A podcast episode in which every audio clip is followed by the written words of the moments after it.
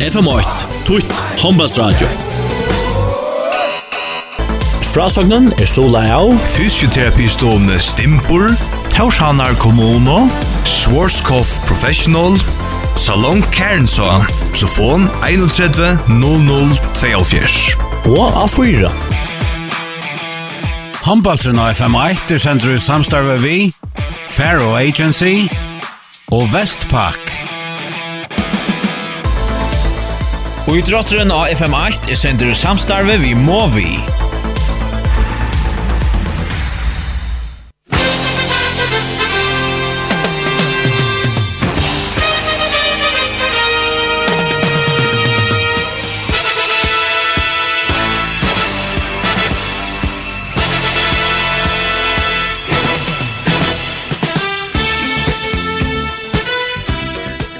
Vere velmøtt til Europa Cup håndbølt her av FM1. Det er H1-4 mot Galishanka Lviv, halvtid etter uttalast.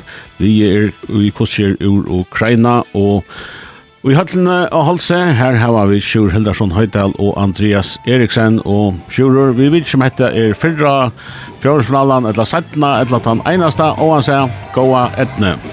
Ja, tack för det her, här ju till just här. Jag vill säga tack för ikke Berg og ett. Det är sen troppt att sätta sig nu. En slugan dyst. Vi vet ju at förna detta er størst liv, det tills man størst liv och er litt nummer 1 i Ukraina och som är också två rätt med fra här så är det er när de jant men kanske lite liv var till Highlandfjärs vi vet inte fyrt någon. Hiven så här vi Lars från vet inte fyrt nu gäller så kappen fyrir etter fyrir undermet för undermätt Highlandfjärs att det här kanske ikke alltid vita alt. Um, Ukrainska håndbolter. Jeg kjenner ikke vel til kvinne håndbolt i Ukraina. Vi er kommet å lære manns håndbolt i Ukraina og vel å kjenne det seneste året har vi da mannsdans i ferie, ferie spalt i Mottamon.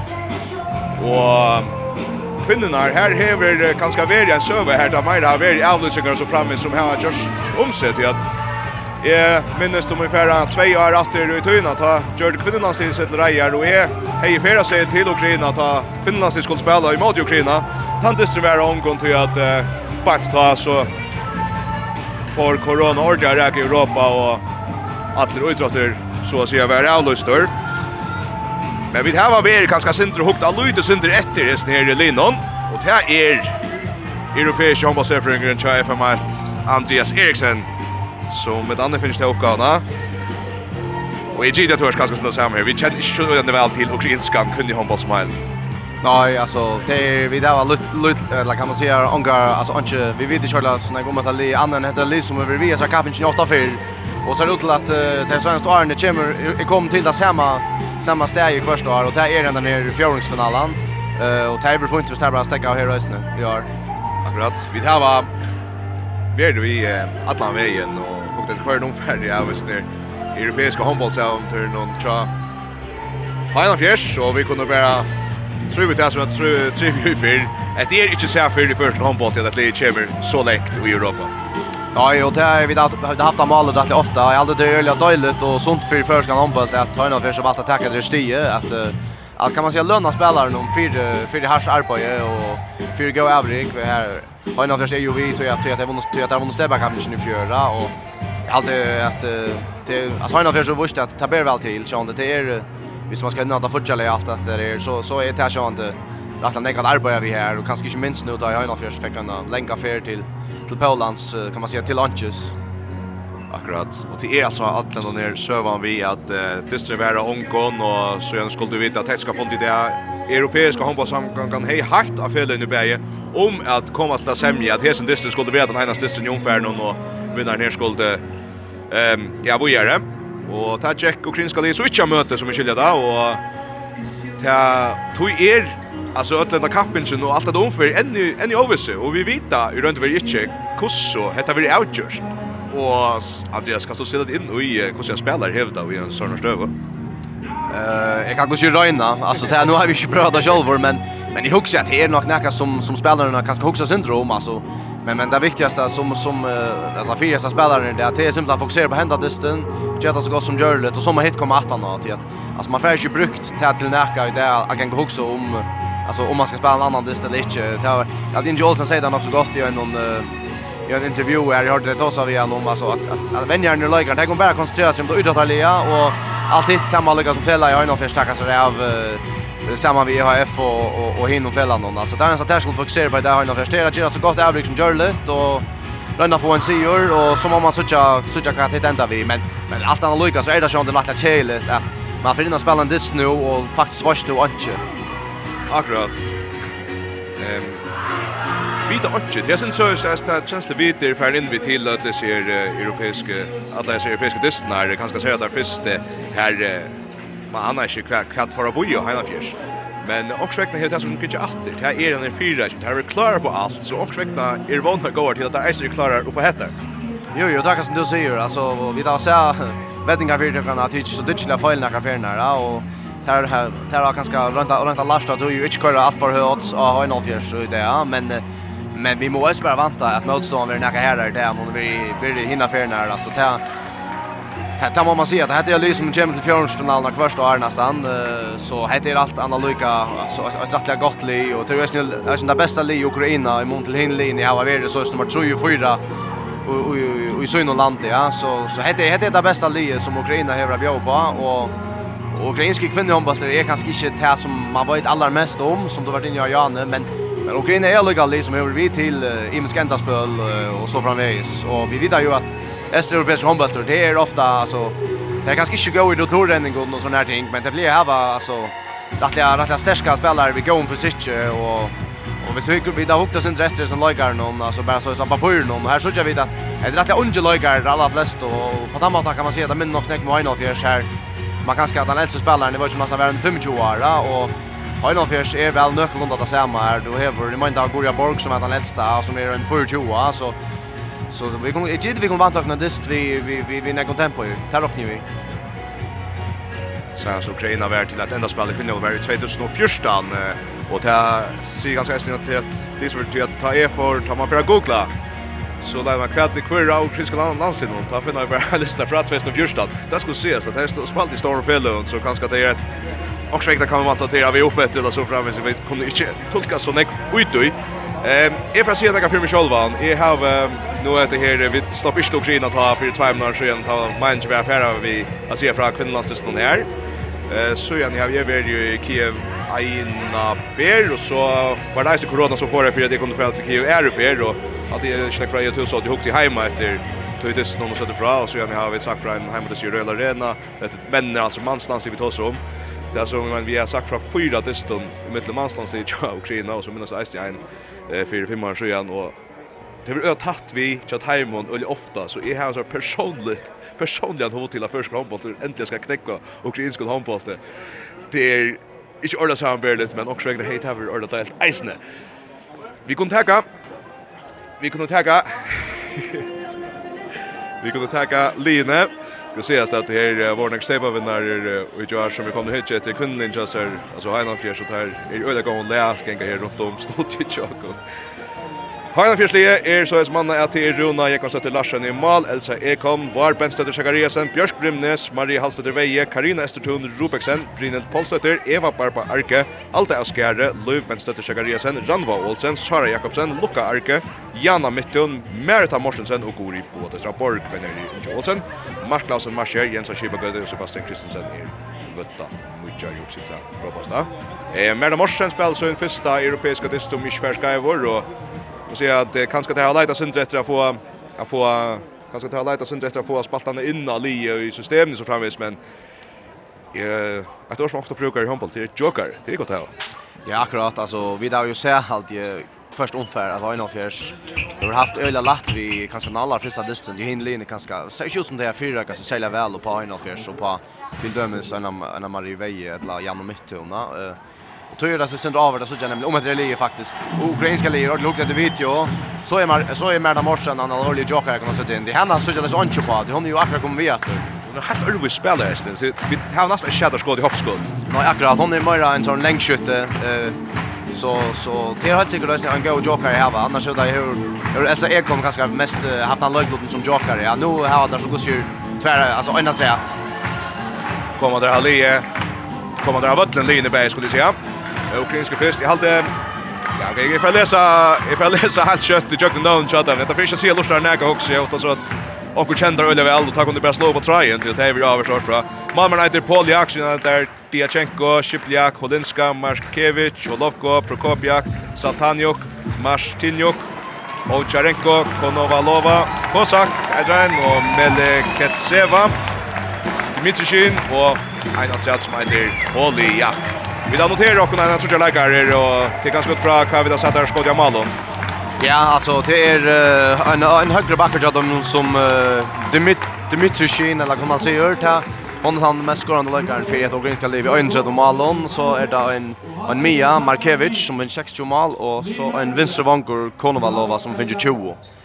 Eh uh, här till kan man säga att att Maria Veje har till dem skorar 3 mål i sin kappmatch, Oskarsson tackas vi det här att ukrainska Lee vann eh Sunne Tordist i söndags ungefär åttandist så tar tar lagarna som spatt Anders minne eller Anders Farre ja. Tar vi att Anders den touchen och åttandist och det som några var inte ska hända åter men det hade så går rödre ja. Nu är Vera att här ukrainska röptar upp men så för att det tackar som tar Mian vänstervånker och högre backer som det som här i Töllon är det mest Essundar och Ahesson och Lino. annars kommer vi att tacka sönder jökten tar Heimskärner som har alltså Maria Veje vi Sjuholt Sjuch Malon Janna Mittun Nutch och tredje mål så jag ni har vet Brynne Postøtter vid 22 malon, og så var det Ranva Olsen vid 20 malon, så var enkre bare, og ja, Skissen att det här ser bara i vinkeln skora näck för det är ofta gott häst nice tog ju. Ja, helt säkert. Vi har haft mål rätt ofta att vi har röst hörna för Sjöland näck för att alltså att att boja att det går chansen att spela bollen boja det shot man spelar en en lägger är är är det inte fröjer så väl man har spela chansen än större. Det har alltid hörna för så då otroligt väl. Akkurat. Det blir alltså slut till europeiska handboll och faktiskt flyttar först. Og kanskje ikke flere enn vi så til den første europeiske Disney i Øtlund, det er ganske til å fylle slag. Det var så, nå var det røpter opp på en av fyrst her nere. Så igjen var det et omfærreist jo i, her var et omfær, ja, anna omfær var i Høgsøtten, det var helt særlig. Men det er det, Sundag kan ofta, skal jeg si, det er ikke vanlig håndbolls, det er ikke vanlig håndbollstøym jo i i fyrjo, men jeg halte her kan faktisk oppleva et helt god høyre i seg høyre i det Andreas. Ja, och det är alltid jag att så för kvinnor har förtjänt alltså att att det är ordla stol upp om där och och visa dem om alltså öliga gåvan stol till att det är som vi där kanske haft mål för att det kanske är synd synd tömlet om kan ha hindis någon men men men jag tycker att jag hjälper något lösning på att jag har att männer har vunnit jar och det som Adler och en sån stable final stämning ja så är det eller eller gott gott hör vi att få att göra det bara. Akkurat, jag vet inte kvart. Allt viktigt alltså det här stora steipa vikuskiftet her. Så ikke være noen kvinnefinal til Orsaka av høsten her til noen at Bobla flott og er halvdelt av at nøyden av Mars lukk så over det. Da har vi rekket match selv om de atter av Stanon. Vi går kunne tagga, vi går kunne tagga leikeren til Heimers enda for enda, tar vi røpper opp, og så runder jeg kommer til Larsen. Malverje, Elsa Ekholm, Elsa Ekholm med Sjøne, og så var Bent Støtter Sjekariasen har sjekket med. Bjørs Grimnes, Maria Halstetter Veie, Karina Estertun Rubeksen. Brynhild Polstøtter, Eva Barba Arke, Alda Skjære, Eisne Malvere, så Løyv Bentstøtter Sekariasen, Ranva Olsen, Sara Jakobsen, Lukka Arke, Jana Mittun, Merta Morsen og Gori Båda Traborg. Inge Olsen er venjar, Mars Klaas og Marsha Hjoltbronon, Jens og Kiva Gøde Malvere er venjar, og Sebastian Kristensen og Kjenneiter er fysio. Jag ser att Domarna är ur Estland, jag känner där inte, jag vet inte om du känner någon Andreas, nej. Reinar, Reiner Stefansson är EHF Umbo och han hade med den AS linje om att finna till semjerna där. Hade inte om att finna hennes semje. Han hade a linje om att finna till semjerna att hesen dysten skulle vara den enaste. Det är nästan tyvärr inte. Och det. Men jag vet inte. Spela... Vill du... Um, som möttes upp eller vad man ska säga så kan det ända vi att här touch 0 till alltså ta fasta skriver slite. lite. Så ska vi vinna vi ettle. Ja, är är det inte så simpelt. Är halt faktiskt att man vill nog blacka ur kappen inte nöjs hvis man inte möter upp annars säger hej det som du säger Vi är fint hvis man bara rann i ett land där skulle man sagt det finnas slät. Jag kunde vinna det som touch 0 i Ukraina men I mener at ja, så vi nämnde det som var listen, att det är er norsk som de ikke valgte fra til Russland. Uh, Drammen, uh, här kjenner vi jo, det var Drammen som, som Cardi Heinal fjørs ur, uh, ur kappingsene. Uh, här Drammen annars er vunnet i alt det, han fick det i Norra vi 13 malen. Eh och tar det så hötter vi by boat och mulig blir bli i en 1-2 år av europeisk kappingen, så... So, Men det är ju en öla sälj stöva att att att knappt alltså är Ukraina och Ryssland lika som ett sorts det här som man man helst inte ska färda och tycker jag är EAF är det center ja till Omar Tau det är ju ordla mannen gång när jag ordant så han säger att det inte har hemmet att göra något som helst. Det viskar man som underligt att man som samband inte kan se att kan se vi linje att alltså sålös alltså Anton Spellman åtta med av Butler så ett lat då alltså kunde säga det skulle kanske sagt halv Östern vid ukrainska ligan, Gerdisen vid Poland nu och Timo Scholven där kommer till och så vidare sålös alltså. Nu får det vara klart att börja. Hanna Fjersson är börja i Värjestö och här nu vi färre under fjoringsfinalerna i EHF European Cup.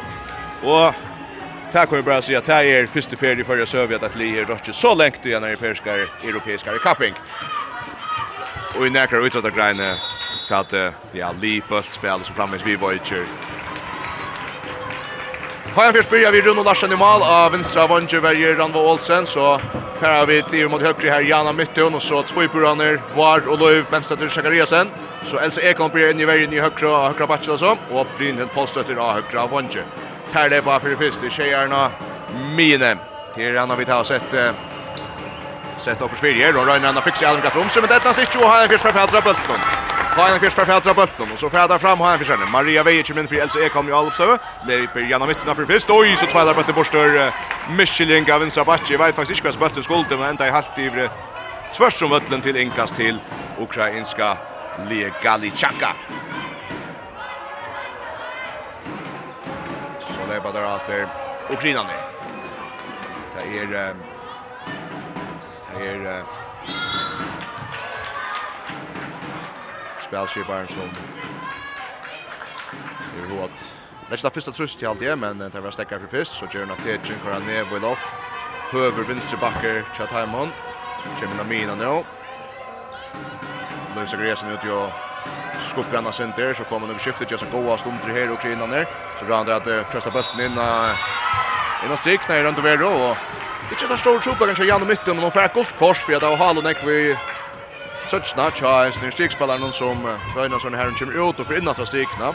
Så nytt all opp til ukrainska lie. Holder han mot herren, 0-0, og Bøster ikke vel til timen, men der får Fedro Natter, så er det høyre bakke her, der vant han Mikler her i fratt. Så innan stik, dette er vel spalt, og så skorar der 1-0, 1-0 til Ukraina til er Ehm min spelare Marskevich som skorar efter att hon är färdig innan strik då och får bollen från högra backen Dimitrishin. Så leper Heim Schade. Maria Vei under Skolmavern Bjergar och kvar i turen och Krinskal i färran. Galishan Kalvi för färdra bulten. Mavern går Bjergar av Maria Vej släpper till omtranskott. Och så färdar Röler sig fram efter till vänster backen. Så in Novin. Åh, vi tacklar väl men hon rönner halta va? Och där ändar vi en frugaste. Där ändar vi en frugaste. Marsek Nu det mest i halta tid som att backarna tja just nu kring in är det rattliga havaxnar kanske Simon till kvar vet här till. På vänsterbacker och högerbacker. Skjøter vel opp etter i loft. Så er det etter spelskiperen som skal minnes skulle si til Markiewicz. Kjert Hedgen kommer av venstre bak. Så vinner sparken av min, og så lever han fra høyre bakken og blir det lyst omkron. Han får en flit som vi alle første hjertet nå. Spiller ikke kjøttet første hjertet. og så rører han der krossa i vira Mina og Krinja Stig. Nere fra Federbøtten, og så er 2-0. 2-0. Tidskjøper som at her Bitcha nog så stilt och roligt men så hade han också gått temposkifter och i gång till rejsen som ett nästan fullnar. Ja, det som du säger, det här kan snackar snacka kan man säga drastiska outjer där går Gröla som för sig och tas ja så playmaker playmakern eller spelskiparen den där Markovic är han som som sätter allt upp och här kommer allt från henne. Ja. Där är det. Lackbulten väl innan Stryk här om kring kom ny gång så 2-0 till Galichanka. Så kommer en skakbult där dags av Kristoffer högra vånge här för sig. Lusen reser. Lusen plus och in i varje natt har vi frukast. Var Shakaresen två på systern ska sätta spel i gång efter efter Schuchar meter kast. Och så lever Heinla för åter. Maria Veje. Hickas sig mot vänster. Jana Fish plus. Så färna kors och Jana för bulten och så skjuter hon fram vi och så skjuter hon fram vi. Släpper jucken till ja näka som kunde tack som av era henne inte smöla i åtta sjön i vänster men skjuter fram vi. 2-0 och han har först lightat sin rätt vad match lost nu mot Formalon. Ja, jag hade vid att säga Janne Mittan kanske synd synd nervös kanske det så låt till alltså hon gjorde ju en fall av en klinkast i Janne och heter en chans att skora på Gusher. Ja, Gusher 8 då touch för så kan jag synd nervöst alla spelar blir vi från 04 för Buster gänga shotar och shotar och kring någon här med är bra och som högra back så det är skott mitt fyra så för vinstbacken på shota ett gott mål och det gott mål 3-0 till Kalishanka Lviv och till er vinstbacken Tja Taimon som heter Konoval nej kurda Dimitrishin som skorar. Sjö. Ja, upp. Vi tackar dem. Och nu gång det galt tjänar fiskarna till värre. Där spelar, där spelar Brynel Polstötter ut i högra vånchen, näka spökst. Och nu just Ivetrack och räcker helt i Schimal så tar han skjuter. 3-0 till Galichanka Lviv och jag vet inte om han har försökt första ferie så kappen inte för att här kanske kommer eh ja faktiskt Malvin som bjärkar det. Så bjärkar vi mjötne. Gå bjärk från Malvin då. Där kommer någon tröst där börjar vi. Ja, det var man säga. Eh jag hade ju snett Ja, alltså allt det verkar ganska sent ur mest där nervon. Det hade Öle väl fänga. Och så vinner den väl som bulten där har fänga. Där har Lise kvar för hämta så fänga där bulten ta och i ta och ukrainska li åter för krossa synda mittlån. Och heter kanske kommer akkurat så stövna att det kommer något tröst. Ja, det är öliga viktigt att man som vankor uh, dåra läsa stövnar och kommer in fyra här och öliga öliga väl just Ramo. Annars kan man säga tyvärr hade vi så faktiskt öliga gott uh, gå återvändning från ukrainska linjen. Man är ganska hoppa att Oj, så gång det gal här. Här röna på bulten om man har vänstra vank och det är inte. Och jag kan det varje spel, Arra så varje spel och här. Vinna bollen där Ukraina skulle kunna fram och öka där framför 3-0 mot Johanna Fjärs. Eller är kom vi gå en tackling ner. Oj, då är att att onse spelskiparen Chadamon Markevich.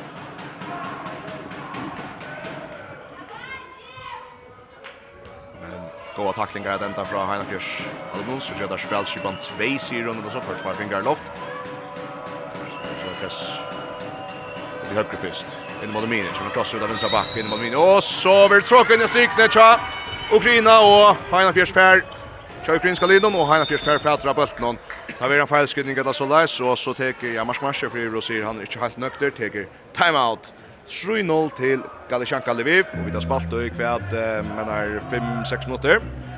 Ska vi vara på strödet og timeout. Vi kan ta marsjetaner, tar trutcher ur Ukraina. Et Atli som er mann Ett läge som är manna bära vi ukrainskon läggaren. Markevich skor en affär, Konovalova till vänster vankren. Jag skor en affär, Markevich förresten till just en spelskipare som lägger öle väl mest till. Så jag har ska med vänsterbacker Poljakin skora en affär.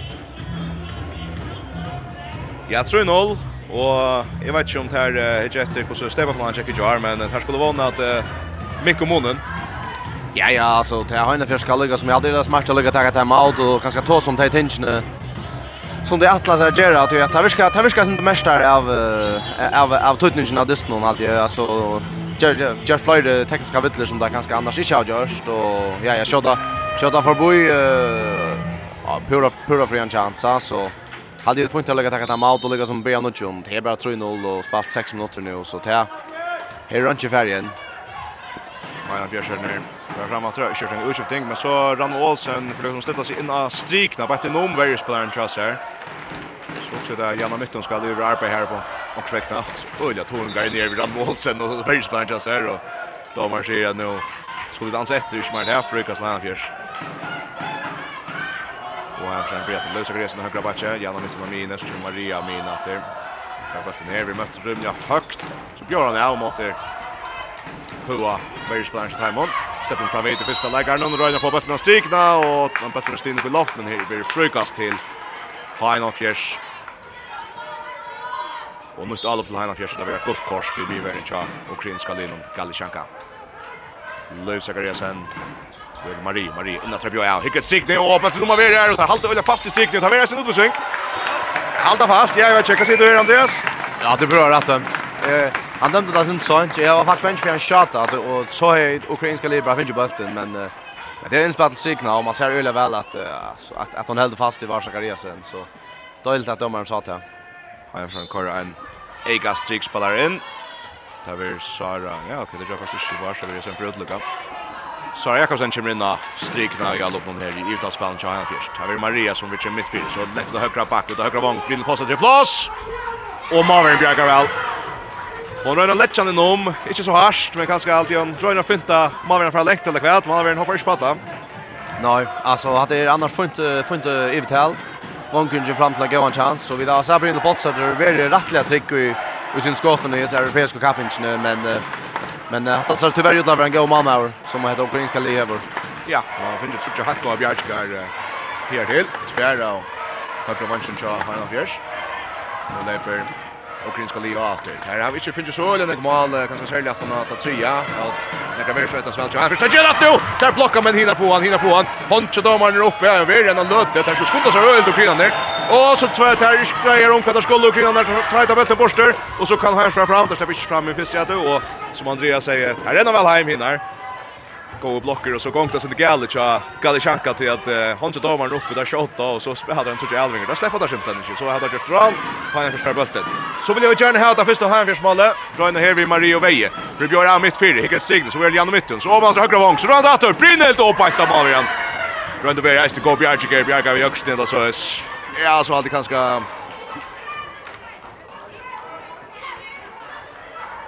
Han rår upp en Brinnelt. Så chanser. Ja, han hade ja ja, hade hade att han gå chanser. Han har sett det väl upp i vitale och kör fram till gå en chans och ja, det det var nog väl möjligt att Akoria Borg rattlar kött vid Binwa just klar han. Purple är super väl tja hinna med att få Fätron Korsnö så det på drar när vi vänstra eller så är kommer sen tacklar här och tacklar rätt och tacklar väl. Frukast till Lviv. Och så lever drar efter Galichanka Lviv.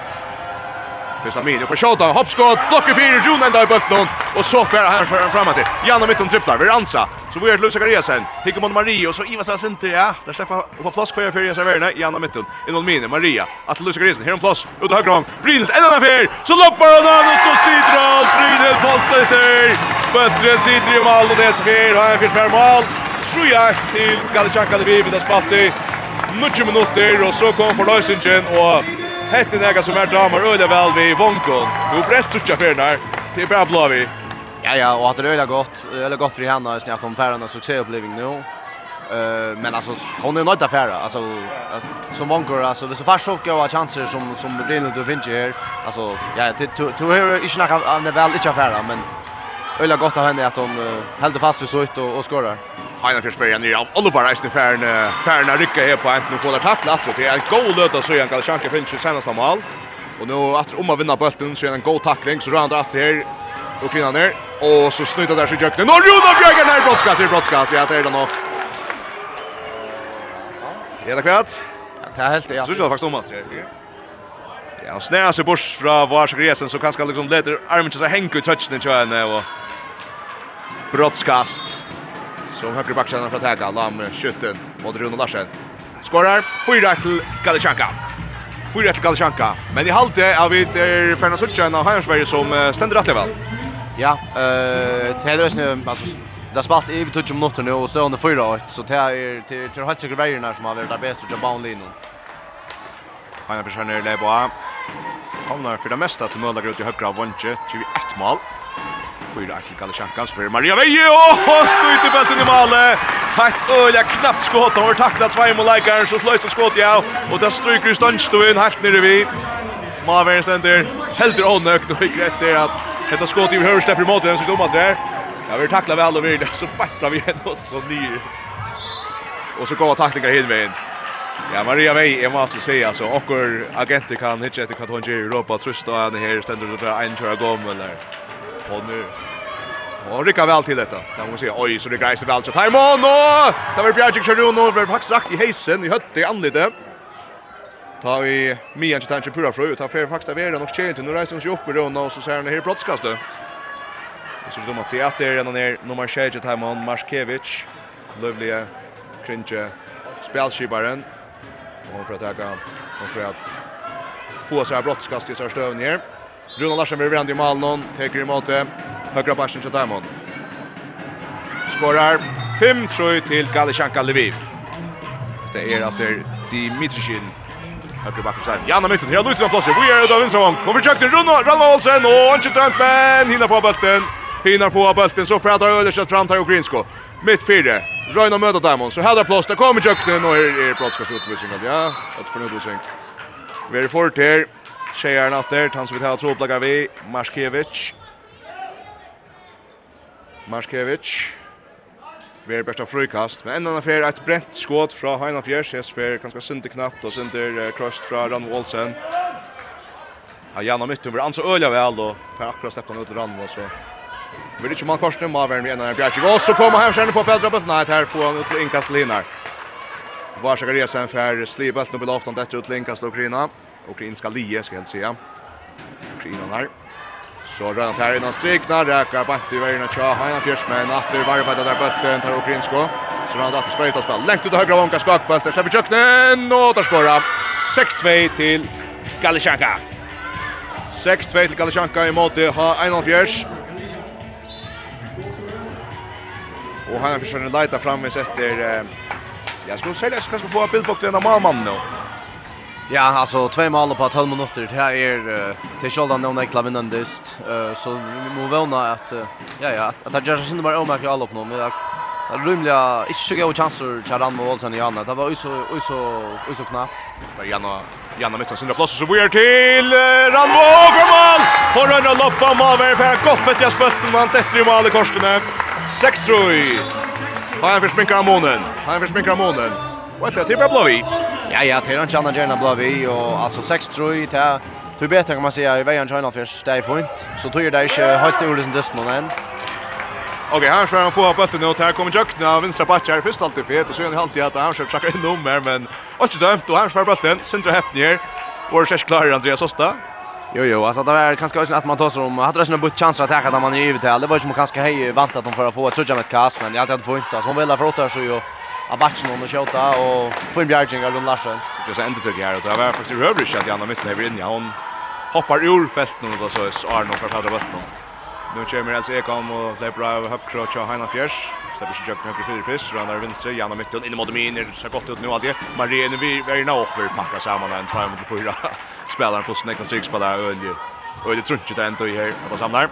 Hanna Fjärs är nu i uppe här att han vi tre mål som han inte upp. Allt har brukt en Elvin tvär nu Maria lägger fyra mitt fyra. Det blir bra. Det ut högra vånker. Plötsligt brinner brinner Jöknen. Mål! 6-4. Brinner postet till Minkar och Månen till 6-4. Första mot Farner. Tack så mycket kross, men gå loss där vi skakvälten natt i Roman av Ange. Ja, öliga, öliga var sälla, sälla Marie Veje som brukar öll skrittene just har i sista löt och länder åter från hoppen så färre lagt en öliga gång bult ut till Brinner Polsäter. Jag vill bara se att Artesian på öliga går mentala styrka just jag brinner att man är en kälja början men hon vill verkligen viska att hon gör det. Gå över ju här efter Tja Heina Fjärs. Eller bara vänster och till vänster vankren runt vänster helt ju högra backen här och vill tackla jävligt lätt då. Ja, Örna tror på sig där.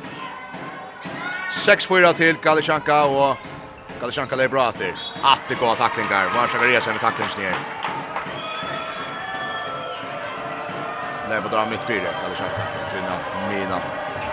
Så att gå tacklingar Buttersen läser Kventrer har en bjärs på här frukast. Här frukast.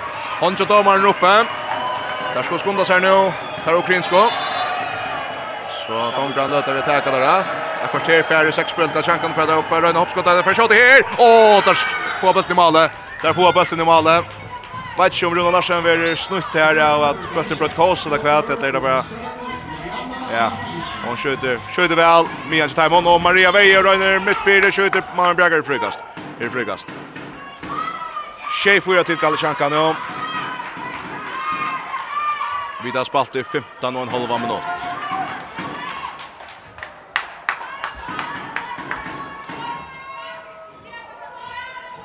Persson just går stund tre. Marie och Jana pratar samman så till högra till Luisa Gresen. Maria till Gramine så lägger hon tröst i mittfältet. Gresen är plats under skottet. Oh, Maverick Bjergar, Maverick Bjergar. Hon färt så där. Sekt skott näka ju över vänster tvärs som målet men Malvern är eller klar på ett skott andra skott i alltid. Så nummer 4 dagen hinner Malvern när han över hur mött också. Ja, akkurat. Jag aldrig vi det går ju tydligt att söka heter ukrainska li är rättlandig bättre än hin linjen som han för så mött. Alltså Ja, bara vi såg mal Malvergen och och och Verdian och överhuvud spelet. Alltså det heter det heter det Gottli. Randar att det här framför Sheffield mot i hörnet att 16 minuter. Sheffield till Galichanka. Leva drar och då vinner. Åh, tar vi just tråken i siknet. Six man chao ukrainska linjen häver tråka och så fär har han förspelt natter. Så fär har han förspelt natter just som att ta sig fram på och på chanser av vinstra vänster Galichanka, så det blir gärna mitten av. We're all but the laser, kvar för han, Luisa Gresser för Fadron, och så för en jökne, frikast, nej. Ja, allt det. Så där nu kommer på plats här och krydan ner. Och hos det höttna halser till skjuttla lite trusta för att få ett dömta brottskast här. där. Varsågod, Jesus spelar upp att rätt så gör med den. Men efter så har han försöker inte mer att han så där tror tror att han fyra och vinner näcka bollar där får Fält och näcka bollen får Bjärskreisne. Så då han där krossar bollen ut och högra vanka kommer mest med knä för det Chokrin ska linon inkasta något till Hanan Fjärs. Det skipar jag till Hanan Fjärs kanske sälja av backplats någon att ta kanske vantas att sända chanser där. Så då Maria innan stegna var för ett vänster och så kämpat att han ut och högra vanka efter Brinelt och Malvern täcker. Malvern täcker. Malvern teker fram med Shea Fyra och Heinkers för ett mål. Shea Fyra till Kalichanka som färger upp nu. Spelar väl ut där högra back så skadar och så skorar där. Gott spalt för ukrainska Linon 8-4 till Kalichanka Lviv mot i Heinkers.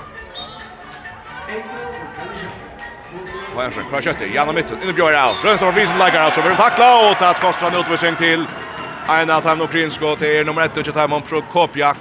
Så ska alla vötle. Og så så vi Jan og Mitton vinner sin en mot en test. Det er ganske først for det året, ja.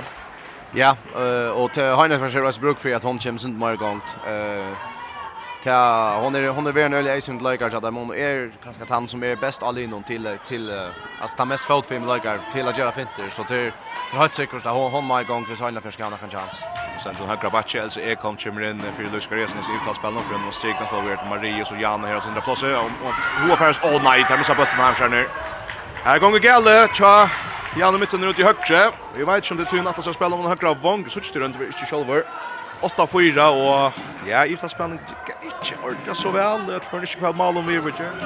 Nej, att det ja ja, alltså där har ni för inte finns någon näck på så som ni spela. Eh där har vi givet all är för halt ja och kom inte ja, hade hade tyvärr inte gått nog alltså man tar inte rätt att göra såna fejler visst skulle innan fredag det 8-4 till Kalechanka Lviv vid spalt i Arjan halva minut. Lviv är i undertal det här var Malvera nu och så där släpper över sex lägaren korsne. Og nekk shift där så vinstbakken stømt til skåta, det blir takla vel, det takla vel.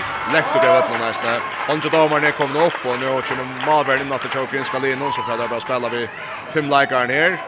Brukar en Alvin här så han Eika här mot å skjøta det Kjedesne, där hotna kastet inn her. Här är blocker fyrir i Miverne. Två brössystrarna här. Löv var, annar, andra timern har finns Fädra någon. Och spelar in och stryk, Nu han kör fram i Ötlund, Alta skär ända vi under Malnon. Alda skär ända i bulten och han Heinfeldt för bulten. Och han Heinfeldt för bulten.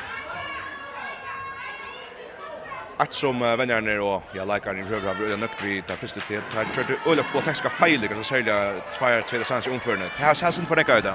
Ja, akkurat det där som vi då som det alltså det här var sånt inte rätt till för att göra så tekniska fel när vi vet inte om ta möjligt i nerver eller vad det är. Nu man kan säga sen han blir ju större och större där spelar och Och han stärska igen. Ja, akkurat. Och då spelar han stigna Elsa Ferran och broadcast. Och utvisning. Ja, ja. Spel i utan spel här. Elsa Ek kommer backen någon uh, som spelar upp till Marie och så för den innan strik. Då så får han bollen åter fram Marie och så vill de fortnäga att hon ska i jökten och är brottskast och nu utvisning till ukrainska Lea Maria Veje tar brottskast. Och i måte Sataniok i mål någon Och Ukraina och hon täcker bollen med beinen i Malveran. 8-5. Och och alltså nattla vikt och i mine han har varit utvisning nummer 2 chans rikspelare någon. Eh och det så som här del ukrainska ligas mest som spalt vi bara de som lagar någon alltså och det så snudla vi en fin striklagar som det kan mitt och så tog kan det vara en go fyra under för något förs vis vis jag vis jag ser rätt. Ja. Framvis alltså väl upp i här 8-5 till ukrainska ligan. Månen från Trøyen och han liksom hylltes här nästan efter att han försökt ta out. 20 mot Varner, 8-5 till Kalishan Kalevi. Kalishan Kalevi åter i undertal i var Malvern ute så där spelar vi 6 mån 6 likar nu alla upp norska med. Och därför skjuter här, där skjuter fram hit, där skjuter fram hit. Han för bulten. Han för för bulten. Stepp inte så kött i all upp. Och ukrainska livet kommer ja som alltid upp på plats. Men där spelas i övertalsspel här. Han för skärner är i övertal i en minut att säga att detta ska Jarna Jamal. Och så får han att den här månen ner i två mål till. Jag faktiskt inte en tröjnoll han är väl slängt ner med förskärvare ganska blir jag 4-2 så framme. Gammal nöj. Maria Veje. Och då vänstra oj till Elise. Oj det var Elise. Och så tvåa tar bollen innan inte Malbergan. Och där kör så frukast. Kom då på att jag brottskast alltid. Spel till Malbergan. Det är oerhört. Malbergan kommer ut och författar bollen som trackar och Malta är någon eh faktiskt det störst bättre än det här. Our här var Hamsson Simpton Heppner. Ja, det har en öliga vanlig fejler att göra, man måste säga, i mest som professional handball. Och hattar väl akkurat där vi tar bruk för det. Janna Mytton skorar, minkar månen till 8-6. Janna Mytton över spallet, kvassebölt om han högra bak, timingen, goes där from visen, likar och så skorar hon så ett första mål till Aldia. 8-6 till Gali, Shanka. Och Heinefjärs hever minkar månen. Kalle Shankan vi spelar all upp där hava Fjärde sekund vi en och lägger färre det. Nej, allt tar just Holman här nu va. Och så lever där åter. Era vänster batch in mot minus. Det bara ja, så ständer han svär åter väl. Och vad händer här? Ja, hon täcker skon hon. Hon missar skäckven. Spelchiparen chatta man. Just har täckt sig på Tomar det var stäcka spel. Ja, det ska se. Så inte att vi lösningarna fram i bullen här. Det kan skäck för. Så det skulle ligga nu för det går att se och det det ska man kakta där så här för det är den stora läggaren som ligger förutom att att att Arnold ska kunna säga Alltså Elsa kommer att bli rymmar taktiker. Så här är det inte vi checkat hemma. Det är så helt visst akkurat nu.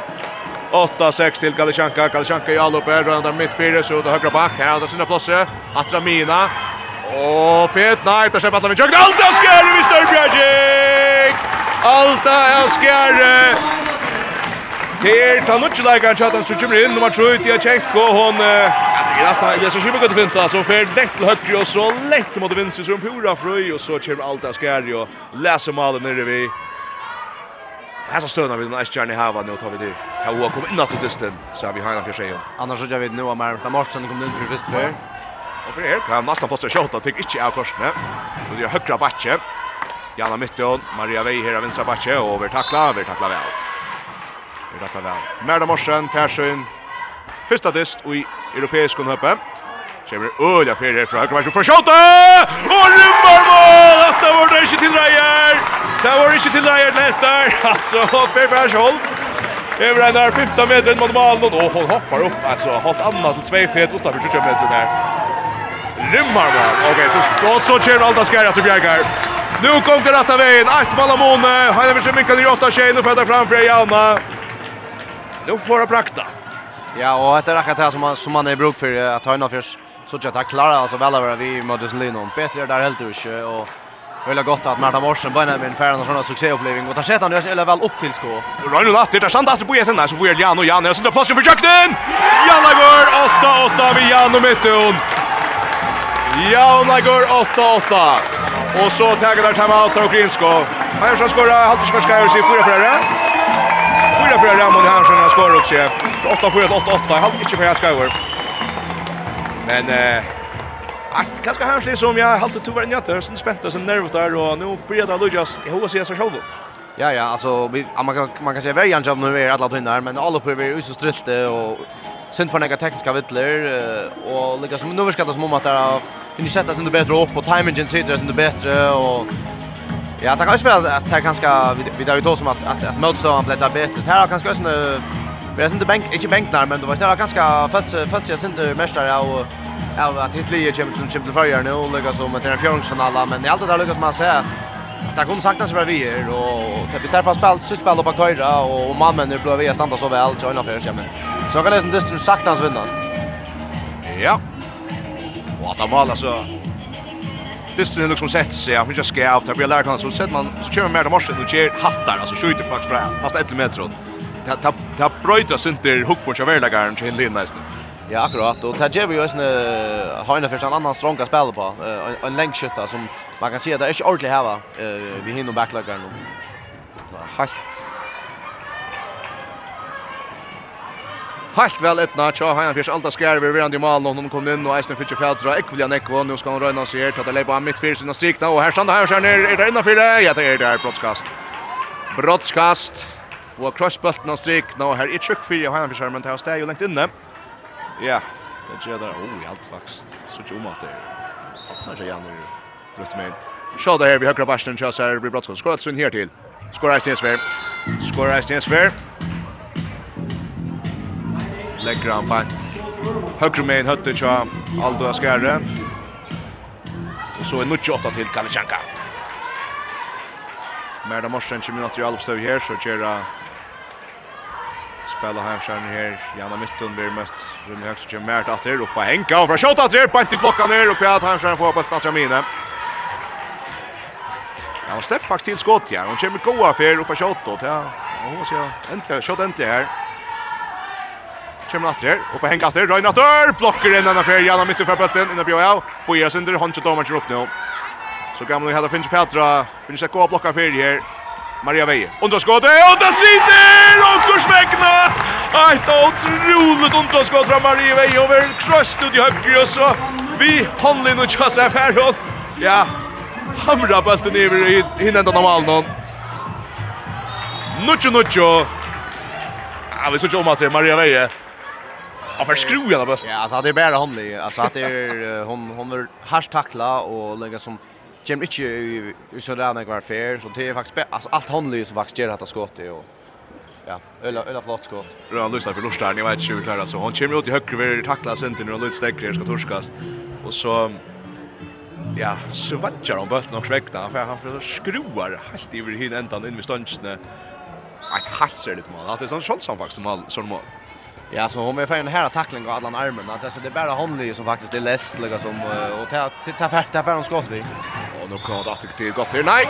Eller kan vi tackling. Banta mars någon till att släppa jökna till Markevic, men god tackling att det. Ja, och hade hon hon hon bänkar ner van bord borde med deras straff. Han måste alltså alltså efter vi till ta kan man gott få utvisning för det, hvis man hvis man hvis man visar så större onöd.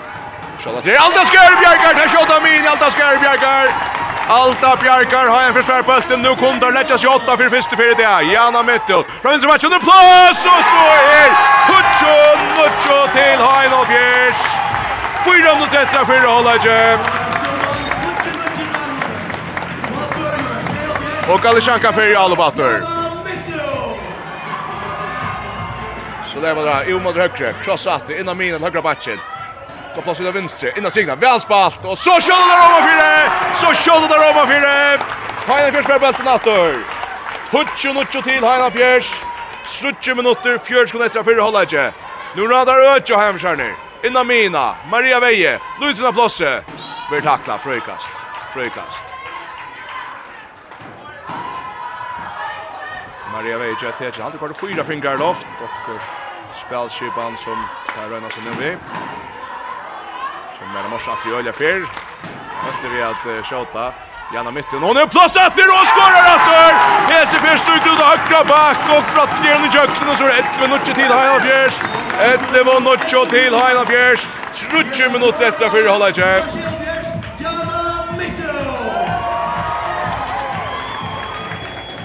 och Kridan är läppa åter. När går det högre. Vem ständer väl för Seattle. Så skärna kan lägga om Kotler och till tråk dömt i emot Ukrainska linjen och här är Sina släppa bulten och tar Richard Elsa. Men efter att han slår så med vi attackar ordet jag fattar inte nu. Ja, och och kanske Ulla Ulla där så vi vi akkurat Jan och Mette hon så ganska hejna sen du sen trudande början här om kanske ja alltså kom på för jag någon och bränte och är fällade den går där om bara ordet till Jerry all upp nu men och han har först sett det där väl upp och Lucas som höll fast vid så och komma fram goda chanser. Men det morsen efter så Jan mitten här. Plats i åter jöknen och så är 12 Mucho till Heino Bjärs. Jan mitten vid målet nummer ja kvar är vi nu. Timma. Sparm mot rätter av fyrra hålla inte 12 Mucho till Heino Bjärs. Nu där på drater här och Grinsko. Ut mot högre. Så innan min ator. Och så väl någon strikna. Och allt är skär vi ända där Bjärking. Randvall som kuskar fram och ner lägger visst till Lund. Nej det var och han skorar! 13 och till Heinolf Fjärs. 13 och till Heinolf Fjärs. Knappt mot rättra straff i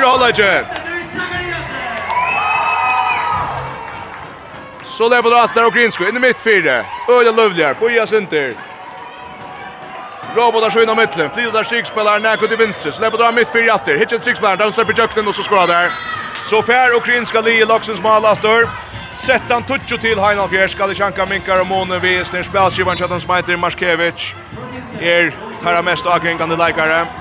Vinner Dustin Chelsea mitt för och släpper Jökten. Heinal Fjärskall nu skiftar Sikspelaren. Sara Jakobsen kommer in rattliga alltså rattliga speciellt så så utland har han skiftat trutja vägar trutja spelare i Varialo det är rattliga jag alltså jag kom mot här på Varulöv Segresen Merda Morsen, Sara Jakobsen och Maria Vei kom in. Hinner från här ut igen för mattvärden nu. Janna mitten björ av näka här på en. Så Merda Morsen näka ut i högre här. Sen plats över Jökten! Och fram i, hon fer fram i. Kjermen Jökten näka ut i högre och är vi högre hånd så vinklar kanske inte det allra, allra bästa. Men Öle går mål Jan han 13 touch men att det alltså möjligheten här liksom finns ju lösningar mot i Sverige också. Ja, akkurat. Vi så ju hittills runner runner väl med att vi är här uppe för mat, men han har gått så öle väl löst och mer har chans att gå en chans, men ja, han skjuter tur tyvärr vi syndare. 25 sekunder efter för att hålla inte ha en försåt av 3 mot 13 touch här. Så löper dra och så här där plats det går en fet till plats kast. Allt det en fet, men okej, nu blir jag plats. Det är som hindes nu. Knappt blev man uppåt i mer lite av det. Her er det 14 sekunder etter for holde ikke. Rune Larsen kommer til å stande for brottskasten som prøver å attacka. Hva sier du, Andreas, er litt av det her? Ja, jeg helt faktisk øyne at det var uis og kanskje sin det bøylet. Men nå spennende at man tror det halvt. Hun teker vel det vi alt tror sekundene i sin straffe, altså. Og jeg lander her, skjuter han. Og Runa Bjerger! Runa Larsen Bjerger brottskast nå. Hei, jeg forsøker fram til. Er fyra sekunder. Der skal skunda seg. Maria skjuter lengt ut fra. Oi! Maver må toucha sig till bult nu ta. Halt ju ser på nok så här. Skjuter ett storskott faktiskt mot der mot Malnon. Men det är alltså Hollager för Hollager av och är trettan toucho till Final Pierce. Så kom heldet silvande från början Sörli och Alopstövo. Kom kött att om med Simon Malon och vår atta för en Simon fyra lanche. Så vi är 8-4, 8-5 eller så. Så fink där blåst upp i alla spelen. Mitt andra Merle Morsen kom in, högt att längst gå till och tapp ska beina vi Luitz det. Ett ever ska Luitz nummer plats till Jan och Mytton som orkar för att Horajas är här och så får Genga kött. Värjan ständes in frammes och bultan ner i farner oftare och tuttar ju i det ukrainska målet. Alltså 13 touch till Heinafjärs. Ja. Så sitter Atri Andreas. Värda nu att Måsson var förskärsk. Jag vet inte. Nej, alltså motståndet starkare vill jag säga, men förstärk ser det inte ut till. Alltså att han har helt trillvande början. Här har han först inte för all spel. Jag tar sätta där Nova upp men där skor ju på chansen och gör några tekniska vittler. Så här där så här där alltså kan man säga vägna otroligt gott värre spel Atlantis som jökna faktiskt och vi två Malmö som har haft haft flyg Bjergengar så så där kommer väl väl in att det distan och jag har faktiskt Gibor. Vi tar gamla skjutarna här.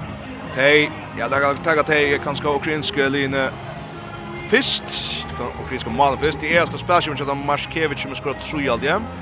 Eh, Konovalova 8, Kosak 8, Dimitri Kinn 3, til man vera brottskosten, ja.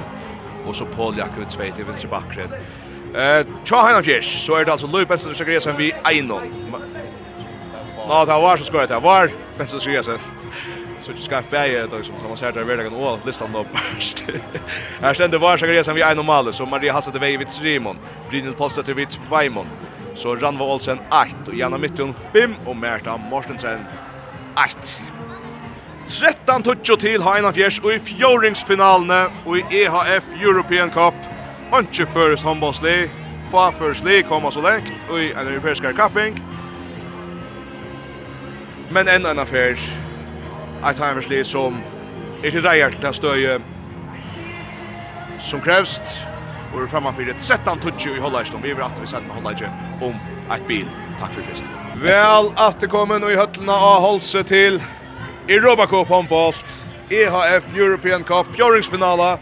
Her har vi fyrra i Hollagur, eller fyrra i Hollagur er jeg, skulle jeg si, og her er altså 13 tutsjo til Heinafjers. Heinafjers fyrir å begynne vi i bølten og nå allt av skär ständer i mål. Hon kom in och Alice till Rune Larsen miskar sig förra hållet och höst i Alper Alper av Alsson är där Ranva Olsen av vinstra vondje. Ranva Olsen av vinstra vondje alltså. Jana mitten av vinstra batje. Maria Halstøtter vei av mine. Elsa Ekholm av høyre batje i Alpstøve og av högra vånge i Kori av Borgen. Jeg strykning var Sakaresen svär skiftingar kanske mot till Helly som ända ju som en spalt mest. Helly säger att Helly är kommer högra backe och så Jimmy bättre till vänster von Kim igen prata och Malverin Bjergar Malverin Bjergar. Hatt ju då väl där. Malverin Cha ukrainska linon. Galichanka Lviv. Och så för kött Månen har minkat ner i två mål. Ja, nu kommer Tara Spelskipar i Jöknen. Skorar sutt mål nummer fyra. Hon som heter Marskevich. Så vi gärna mitt att Björn Hon är plås. Vi tacklar korsen frukast. Frukast. 13 efter till Hanna Fjärs.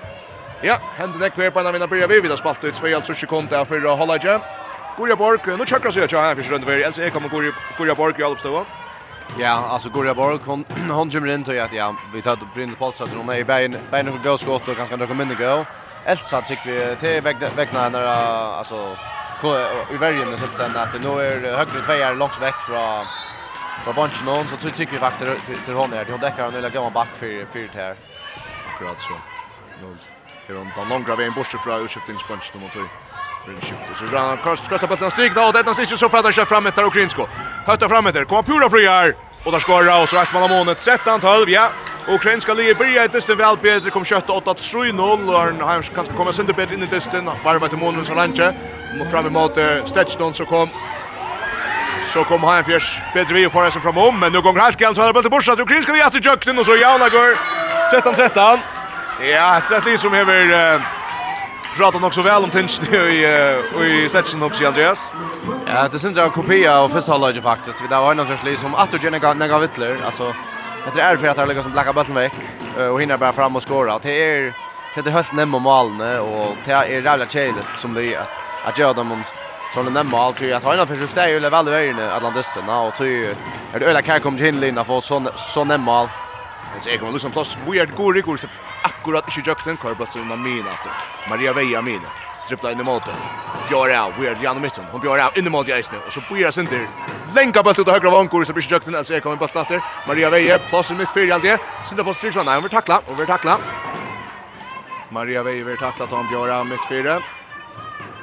Janna Mittum dribblar in i målet. Så langt han till att renna skott och bollen sticker med loft och ukrainska liv här bollen. Galishanka Lviv en annan för fram efter Ariad Löv. LC kom stark tackling och frukast. Frukast. Ja, nu ska just oh my god, Chim, I like her vi ölar för och goar tänkt och LC kom för akkurat stäcken. Frukast till Galishanka Lviv som har vänt öllna upp det här så första trutja minuterna är Sättna hålla inte. Heims för 8 13 touchen nu 13 13 nu kan chanka spela för Lecce 8. Kollar på skottet högra backe och tre rymmar skott. Allt är skär. Där har inte just vi heter skottet. Sidan är vi och så kan chanka 8 åter 14 13 14 13. Heims för Albeck har rummet sig framåt till. Jana Jana mitten in i målet. Björn av. Luisa blåser bollen läser efter. oj frukast. Ja, Maja Sandfrön det värjer att nu från Galichanka. Ja, Heina först kommer inte ordla fram till näka. Eh och just Örn håller ju någon och nu måste lägga som Huxa sig väl om och sätta också ordentligt upp att det att detta var en en marre början och på andra hållet här där långt går 18 för 4-0. Ja, kunde kunde faktiskt inte börja värre. Spalte knappar 4 minuter av sidan hålla inte. Vett i hålen här efter han fra 13 touches för Maria Veje. Plasser vurd Jan. Och så kommer det atter i midten og gott godt spel från hinnom. och så fräda framåt. Där var Tuskan framåt. Maria rätt så visste. Och vi jøkte noen som skåret der til 15-13. Og etter ganske enn så vi kanske inte så som jeg i fyrre holdet ikke til at her renner utrolig godt shot opp her. Och där alltså skåret fem fjerner och på fyra minuter i 17 holdet Och Og i 15-13 kan Chanka Lviv. Har Hajanfjers för 8-13 touch och i Hollarsson. Himen där har han för sig en stund att vi fyra man för Hollarsson Arnt här brottar finger fält vid det snart och enda eisen vi legger seg 8, 13, 20. Men uh, Mars Mars han tar time out och og det er han nødder till. Ja, ja, alltså kunde kanske komma Jaren, men men nu nu är så helt säkert att det lägger som att det måste slå kallt vatten blåa, lägger som tås som kan det kan det vid att lockna Jason all upp någon och kan det vid inte att lockna. om. Du nu har det att alltså där blir att bollen vecka och Hetta ukrainska ligan skora fem mål på vad som knappt fyra minuter, fyra fem minuter då och till till och till ju tror att har haft gott allspel. Det är simpelt tror jag att här ja, ankra mål nu kanske vi får inte sätta upp till högra back till dem så men men det tror jag så nämma mål här Ryan först faktiskt på de mål nu och ta ta mamma släppa ta mamma släppa sig av. Jo så. Kommer han att göra en allt natt där. Vi har faktiskt här i högt i halsen. Eh Prins Posta det kommer natt där. Annars där man det han ser Dan Wallsen av vänstra vänche. Av vänstra backe Maria Veja Kranö, Jana mitten av mina Kranö, alltså är kommer högra backe. Var Sakariasen av strykene og Alta av Skjæri er i mål. Um, han er som er for gongt etter. Hina Rudjensen uh, til Mattveri etter, nok så høyere. Og det var Jan og kanskje sier mitt fyrja kran nå. Stendt nok stengt etter skiva spil Jana. Maria får bøtten vinst med egen, så spiller sammen Jan og Maria. Maria inn i måte. At Jan, Jan har plass! Brottskast. Ja, det har vært dømt av snett. Hatt det ser ut som en greie atlandsmedmast. Ja, akkurat. Alltså här här får få där Janne på kant och ta test med öppnas öle väl vi just nu i vi ända när förra hållet ju här här Janne skorar nästan fem mål på slä. Maria Veje tar brottskastet. Hon skorar. Hon skorar. Maria Veje visar nu fjärde mål över Latin och så är ett mål av Monia att Kalle Shanka Lviv 8-15 första emot i Hanna Fjärs. Vidare spalt i 5 minuter sedan hållet.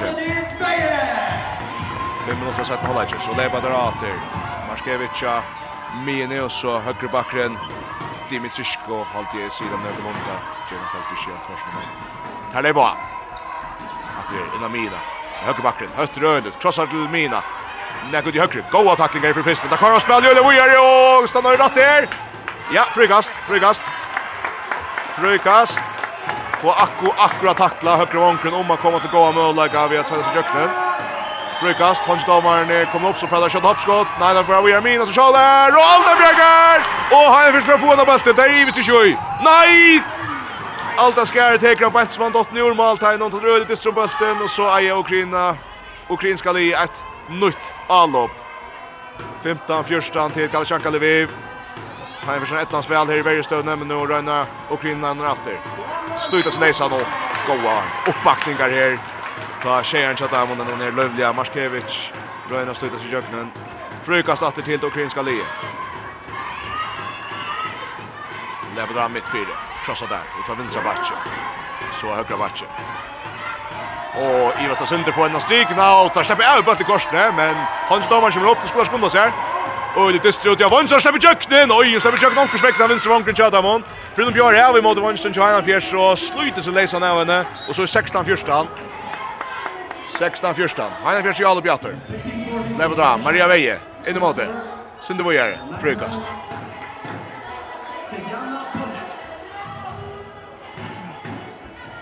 Frukast til Heina fjerst, vi hitje her. 6 minutter farner av Sætna og holda hitje her i European Cup Disnon.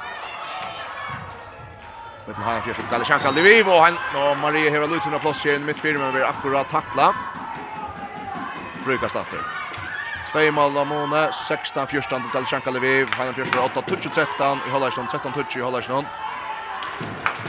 Kalsjanka hever Vi vel bedre her til første løtene sætene. Janna Mytte, nu fram till som plass. Elsa kommer ut til högra vång Bryn ser inte jukt där flyttas öle seg øyelig vel. Så ska Elsa skunda sig allt ja. Till Maria. Maria med shot alltid. Vinstra bæsje til Gjerneste. Og Bøttrustek fram kast. Hur tid John kan i Hur tid John kan i veierne. 16 14 till Kalishanka Lviv. Hon tjatar domaren uppe. Hamsson har en öljans skott nu. Maria ska nästan skjuta ett underskott i mittfyr. Och Stefan fram ytterpista mot Lagar. Någon som skjuter på ett av Maverian. Maverian till Rajer till underskott fram Maria. Så kallar han en shot fram efter. Hamsson ner kommer från plats. Halvtid. Nej, det får brottskast. Och utvisning. Hötten och hålls inte samt. Vad ser vi här Andreas? Ja, så jag vet ska överraskad i utvisningarna. Man lyckas sitta åter här. Ja, alltså, Det var inte kört. Nej, låt mig vara här. Brottskast till Kalashanka Levi som ändarna för ettans Sven shot och upp efter att här har vunnit bulten till högerbacken. Hon skår Ötsun här till också. Ja, runt för tog Bruno Larsson ett och hon bojar öjen i Alanche. Nu är det on Onelsem här fyra kusar här spela och till er när vi hon brukar och neka tog av brottskast någon Andreas känner. Ja, då var det 3 sekunder för att domaren flöjtar och att det var Gusjufim alltså och Hon har Joshua kvar i affären här. Hes förvaltade hon lika att höta ena för Eika. Att det var att han var öjligt. Jag såg han sätta så tydligt att han spelar ständigt näck för lunch via att straffa. Heina Fjärs atter, 18-4 vid tre mål Malum, vi har spalt i 8-17 hållet. Det var reist i 8-4 vid 3 Malum, hetta mont i 4 hållet. Nu leiper Heina Fjärs av Maria Veje. Goa tacklingar av henne. Olja, Sandfördar, för att hända här. Ukrainsk värjespelare nu. Lövsakariasen kunde högra back efter. Alltså jag oj, Amine men nu gång där gäller ju han att tvalla bulten bort där och tajna så går vi hästar stöden till att Ukraina ner skunda sig så mycket näck och han försöker få Malvern chans här nåt.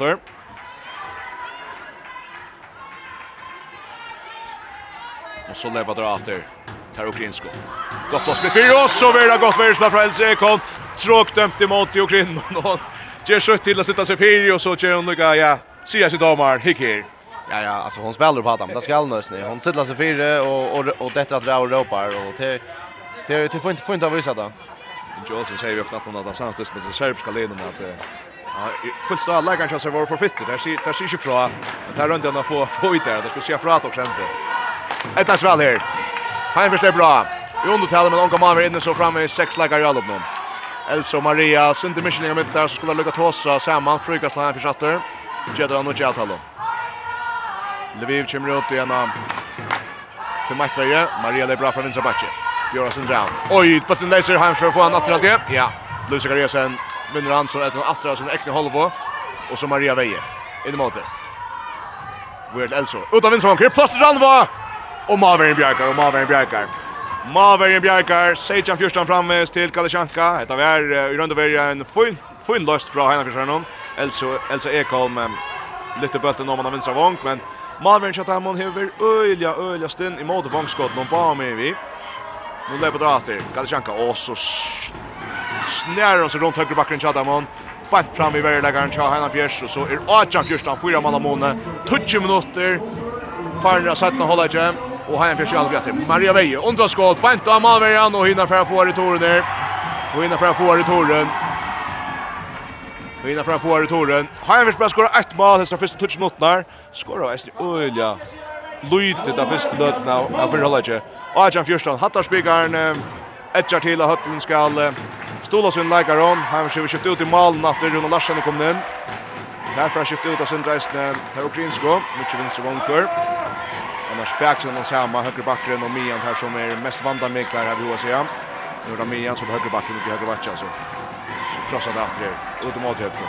Så Wilsbachsen att pressa. Åh, så fel. Av era brottskast och nej, inte mer det. ja.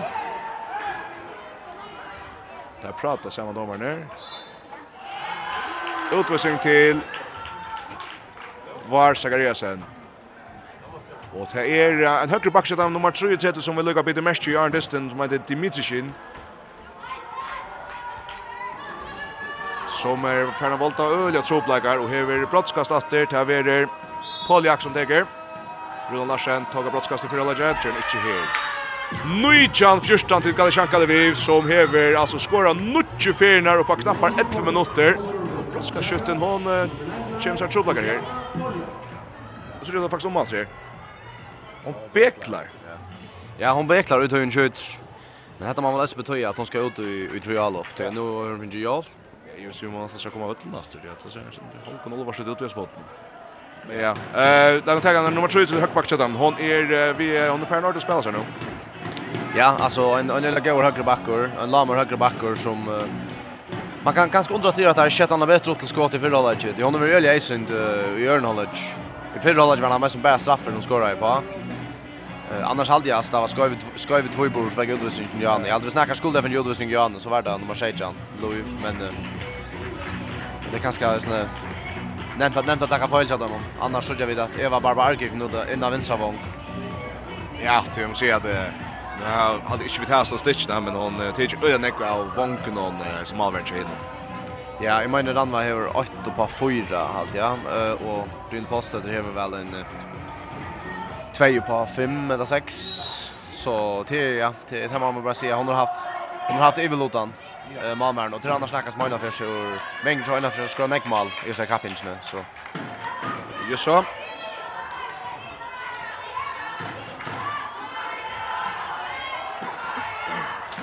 Eva Barbark kom in av vänstra vank alltså här Hanna Björkner spelar sina mittlen, Janna Mytton, kvar gott press in mot uh, Mine som Maria till Grivel Luisa Resen, Luisa en plats och släpper i köknen, och Skar Brott ska ta skärs ut och sitta vid det Utvisning till Lewis Green. det första vem söker Lewis Green här till alltid. Hon släpper jökten vi vi ser etchen fitten i chans här här och snajsar fram i ut i högrum. Och Ghost stöva till Hanna Fjärs Maria Vej för Maria Vej för att ta platskastet. Nu skorar på Atsen här till Lewis Malvern sen här. Oj, räckors. Ja, det var så det var det var som jag säger Jan, ja, att nummer 20 striklagaren hon hon väckte var utvisningar att tölja och hetta var utvisning nummer 3. Och där kan där kan han näka se, visst nu vi ser att vänsterbacken Ja, hon hon hon ligger och för behandling hon som becklar ju Anne och strikspelaren Ösny ut nu och tar spalt rumna smalt så må vi söka om om hinner lägga ner Ösny Ösny är goer. Vad gör mig värna stick kanske då var ju en version stay ju eller väl det sätt hålla ju så. Kan vara en väl innan så kör han Pierre Maria vi tar rå och skorar trick som över. Stossa bulten mitten på en Charles Maria någon. Kör ofta.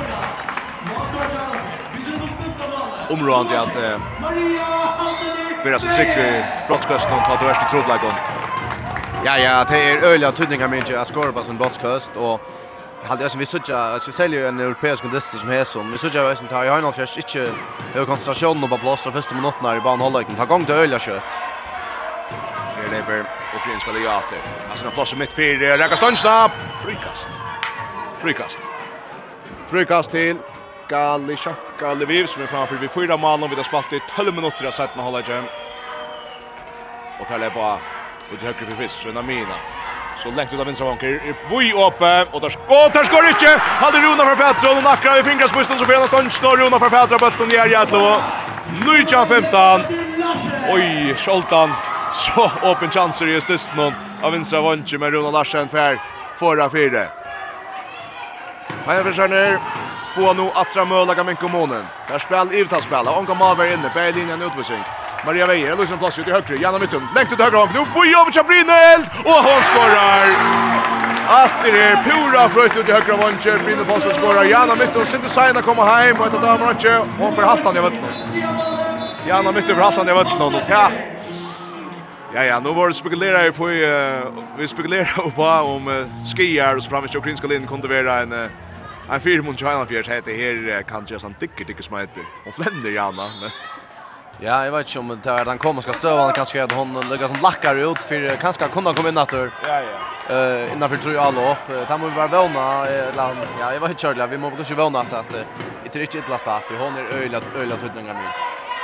Nu lever där åter där ukrainska. Det är tre mål av månader. Nu är Jan 16 till Kalshanka. Vi bulten laser hammer på. Nej, frigas frigas frigas. Och utvisning. Utvisning til Brynildald, ja.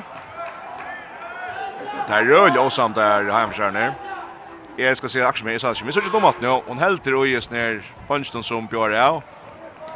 Ja, alltså det ser ut som hon helter, men det här som hade hon rönna argumentera för hade att armen faktiskt fast då eller så där så igen för att det går ju öliga tappel i utvisning att få hvis hvis hon hvis hon faktiskt helter där. Det är en ofarlig spelare så det var kanske att han var sån open och att hon simpelthen simpelt är fast i blås Nytt utav spel till där Okrinsko öppet att läser och frukastar mot dem till där Okrinsko. Nujan 16 till Kalshanka Lviv, 16 halv mot Färre, nej orska 13 och en halv minut till Färre nu.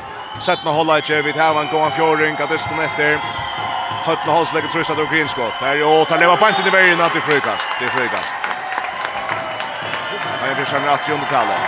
Så lever drar näkot i vinstre jag är mitt fyra så går är till min och så att det vill packa samman mitt fyra att det packa samman mitt fyra frukast till där ukrainska nutchen han tar man uppe det här som det skunte pratar samman till Miver mi mi chatta in mot Miver han fjärs och så packar där åter på Ukraina och samman nej så får det plats och in i vägen ska tråk nej det stämt hur frukast hur frukast Kusen så nekar där efter er. Aina.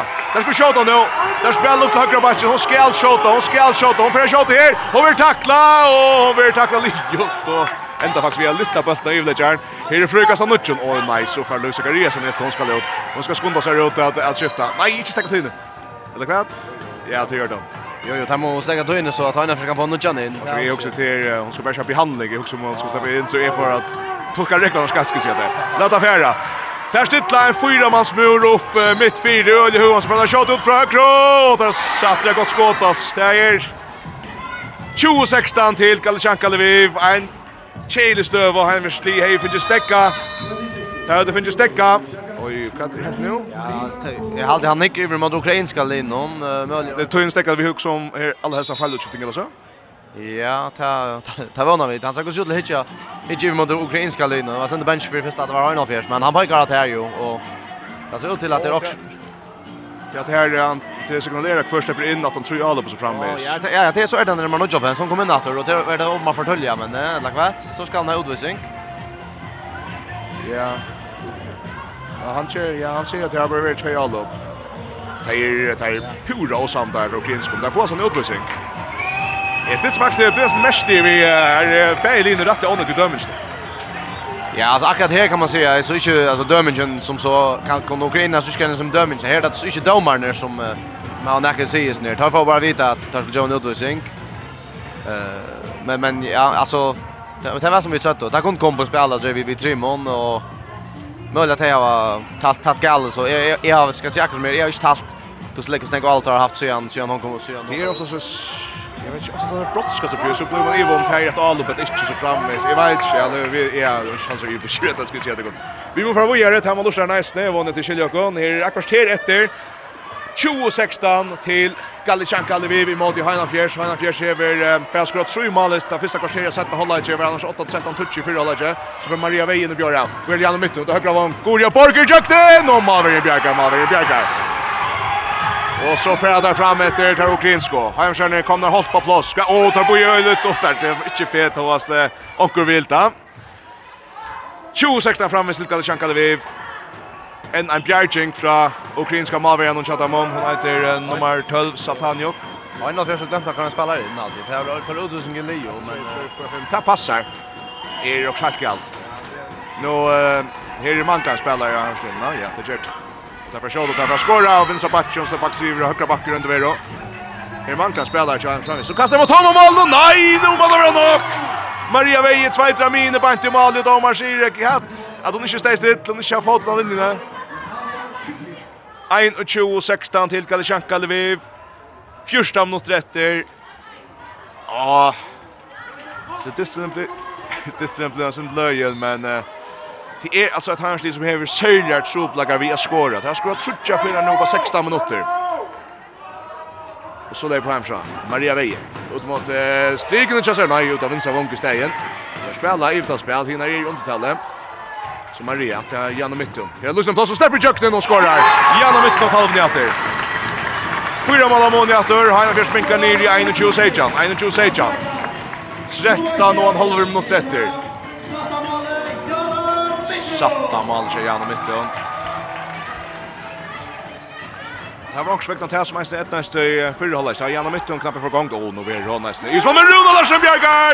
Runa Larsen Bjergar! Där slipper Pura frutt i Ottarsund i vinstra batje, men Runa Larsen Bjergar! Feinan Bjergar nye alla bjatter. Nu skulle ta kakten dessa bjärgingarna. Maria Veje, Bjør av, Janna midtun mitt fyrre. Bjør Eisnjau, så ut av högra vong. Gori! Malveri Bjarkar, Høyli Bjarking, i halvt i heppne ver vi har en fjerser. Der får et innkast, der kan tenke nok så kjøtt der, nei, Men eh, alltså Malveri så dem hon, då är röjligt att täcka att täcka fädra vanken, det här må vi säga, här har alla vanken haft troplagar i det. Så det är branscha, Maria Veje. Iva Støylet, Boja Lantje, Atle Iva Barbos kommer hjelpa til. Ska röna åter. Han ska döma uppe. Maria ska köra och köra mitt fyra. Skjuter på inte blockarna här. Färbult åter och så skorar hon.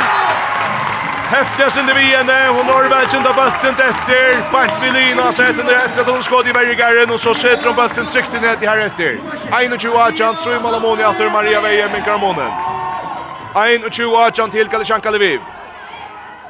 Som är Jalopet. Marskevich, Shiba spel i åter. Och det högre är det sörliga vandrar mycket.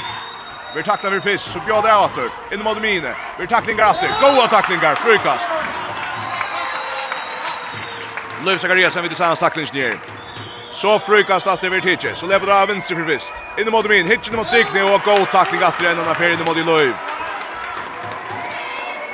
Frukast av Nuccio. Så det var mitt fyra. Var Rudjans rätten. Var Zachariasen. Go tackling en annan affär. Men all upp hjälpte fram. Hans Domers kom upp igen. Ta vill öll håll sig. Nu kommer då nu kommer Hans Domers upp och så tar där time out. Tar Okrinsko. Så tar där time out tar Okrinsko. Här är det färden. Kan det färger. Här är en Tölmsvästra. Ein och tju Arjan till Kalashenko Lviv. Vi vet inte om det om vi är för optimistiska nu men och sväckte den vägen som börjar liksom få färdra att han och grinsko. Det syntes samma så i förra läget. Ja, eh tyvärr har vi bara sagt att att Oxtaus ner Orla går vägen någon ända så vet att ukrainska ligan skorar lika väl till att ta sätta upp till till högra back som skorar. Eh men det ser bättre ut nu kanske bär alla på värjo. Eh Man kan tyvärr det kostar också dårst att ha innan för haft en öliga rinka period där det tappar 5-0. Hvis du täcker den perioden veck så det är ju inte fort. Alltså be de första 20 minuterna av banan håller har vi ja, nästan kan man säga katastrofaler, men, men resten av dysten nu har faktiskt väldigt, varit helt över för Arna för som så ju allt, Ja.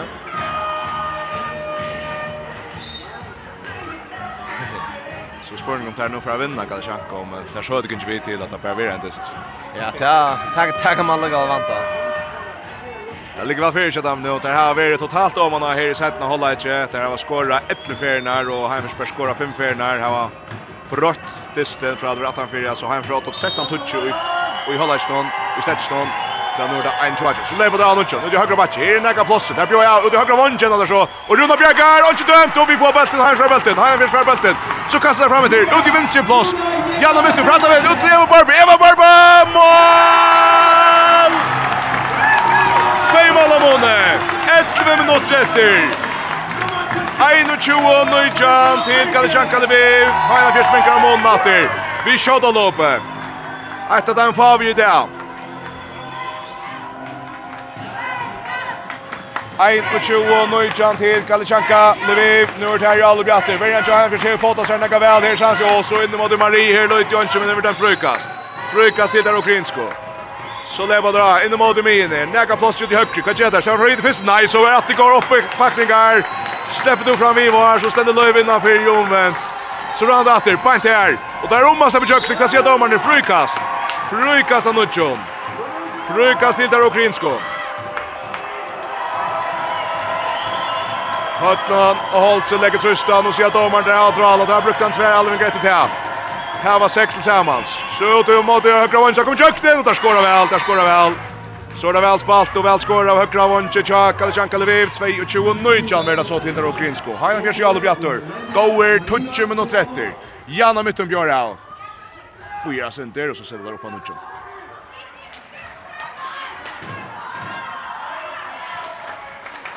Svei og tjoe og nøytjan til Galichanka. Tar fram med at det ser 5-1 vergene. Krøsteberg og Maria Luisen borste fra vergene. Så Janna Mytten, släpper in till Mytten. Ska finna Marie och vill tackla korsnen. Hon vill tackla Aron, hon kan köra näga vid ena bulten. Fanna fjärs pitcher upp Anucci. Spej och Chu och Nujjan till Galshan Kaleviv. Kan han först att han vill Simon. Så Lukas Zakariasen. Inne mål Amir. Här har vinsa matchen. Maria Veje. Gör det. Innan stikna. Bulten ner. Leiser och frykas till Heinafjärs. Frykas till Heinafjärs. Man fär. Jag syns inte där inne i stikna till Heinafjärs. Här. Man vill skumpa en gott kvar för bulten när vi aldrig. Där är Natter. Janna Mytton. Vi tacklar Anuccio, han kör domaren upp, helt grejer om Kusolanche, Maria Veijer rönn så åter. Bra skjuta och där är där mål och släckta, han är där mål och släckta. Och skjuter över tackla men ända för hånd i skottfrukt. Och Petteland och nästan loppan i mål, där sista Petter. 22-20. 22-20. Två mål Amoni åter. Han försminkar Amoni vi en helt særlig om Adjør, helt krøstar støv, så då han rett mitt midtfire. Vi har taklet her, ut av Vinsavong, og Bøltren Kjøver akkurat ikke fram, og så sier det kanskje det er drippla tverrførende, det vi ikke dømt. Brukast til Galichanka, så lever det Galichanka altså, ute i høyre vanje. Kjøver press inn mot mine. Så vinstra bakke, så bjør det mot mine. Maria veier vi øyler taklen. Brukast. Og mater i allop her. Det kvarer nok så lenge allop her der Klinsko. så høyre bakke. Høtta der. Bakken mot veien, oi, så skårer hun nok svekna. Lujt jo ikke plass til disse her. Nummer 7 setter ikke time, så nu må være kommet opp på hva stand her, 8 mål. Og så teka Heinafjers sutt senast at han malte det også, ja. 23-20 til Kalishanka Lviv. Og etter sin test var inne, ja. Det er tidlig som har vært igjen køyrer. Høtlen, legger trysta. Det er hånd ikke nesten kvar for opp. Så finner det en, en vei i jøkken og vinner en duell et okkur. Ja, altså veien heldet dem vekk fra, fra en gående chance i fjörde fem fjörde sekund nästan kvar jag för men tyvärr jag vi ser för alla var det högre bankor som kom in som fick en fin chans och skorar och Hesfärdas högre backen som för Jöknon och det blir rätt det rätt tungt mentalt där sånt där man följer man hur stora dem och står han pars men så får det val till alla så det är det är rätt tungt. Rui och Chua Chua. Det som hev kopparna graferna här ska liv här åtta nästan att han fyra hålla men så ganska. ta ner eh, Jag korsar rätt till så så kom han fjärs upp ja då ända faktiskt vi hade vinna för att like 13 touch så han gick på TV igen och kan det vi det över 8 så igen vid ett spalt i 5 minuter så att man håller inte vi är längt åtta så jag antar eh upp i 5 mål och nu tror ju ju Kalle Schacka här är 8 minuter efter så Heinan fjärs att göra att bryta stövna innan affär Jana mitt och skipa spelar lösa gresen och högra backen Maria Veijer och vänstra backen. Aktar inte tajmen ner uppe och Orek var röjligt Jana man backar näka. Spelar så Maria. Så Maria lägger tröst in mot det. Iva Stöjlet så att Löv och Ibelten som det läser. Där slår bollen borster och över inkast till Heinafjärs. Heinafjärs är nu röjna åter. Maria Veijer in i mot det. Iva så synter så Löv så gräset. Hon är omast på jökna över akkurat tackla. tacklar, akkurat tackla. 3-2-2 til Kalishanka Levi. Vi tar tjej och en halva minut efter. Har jag kanske att han vill tre mån. Han ska ta uppe. Ska köta Maria nu! Och bättre för in! Malvern efter spötten. Och han för in. Och Forrest Skyver Spalt där vid 2 mot 6. Där smalt det tjej, tjej mot 6. Ja.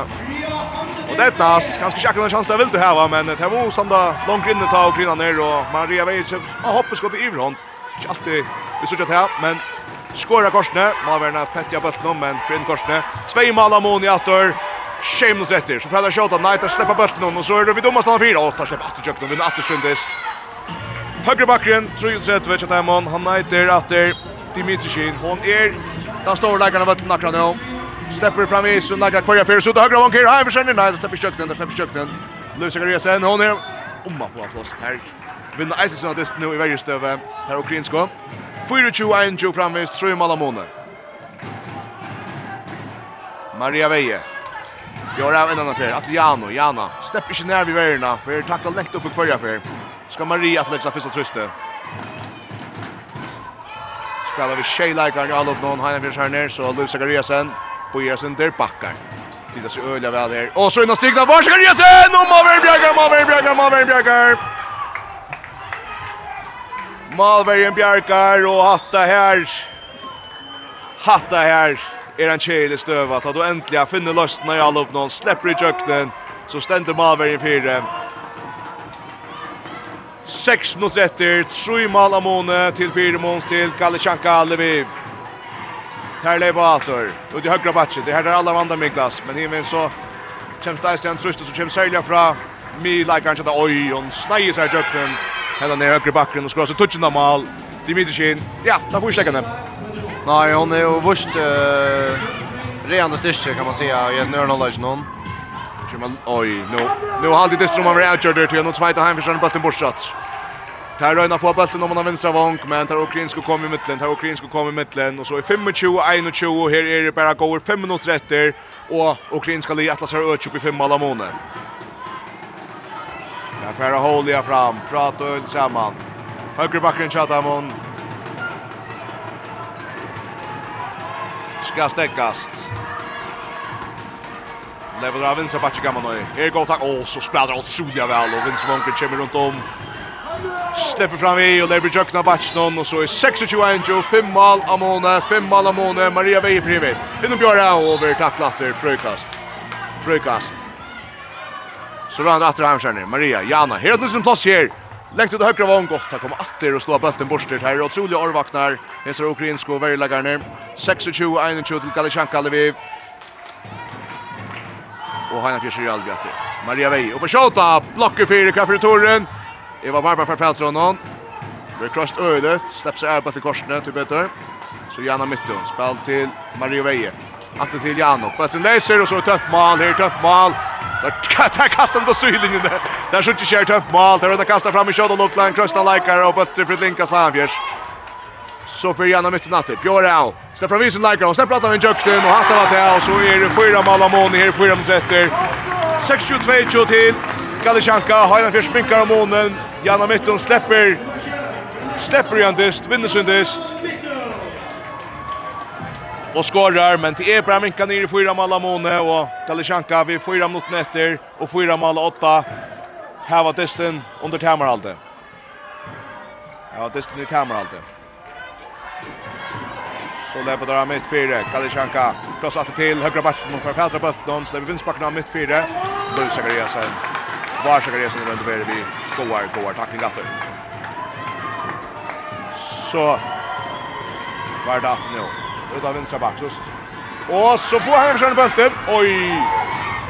Och Hammarskjöld får bulten här. Öle kaos. Allt det skär igen och mitt och tror jag finna karriär och där häpnar att här får varvat bulten. Hammarskjöld fram så kors nu. Maria Vej undrar skott. Totta sinker i nätet.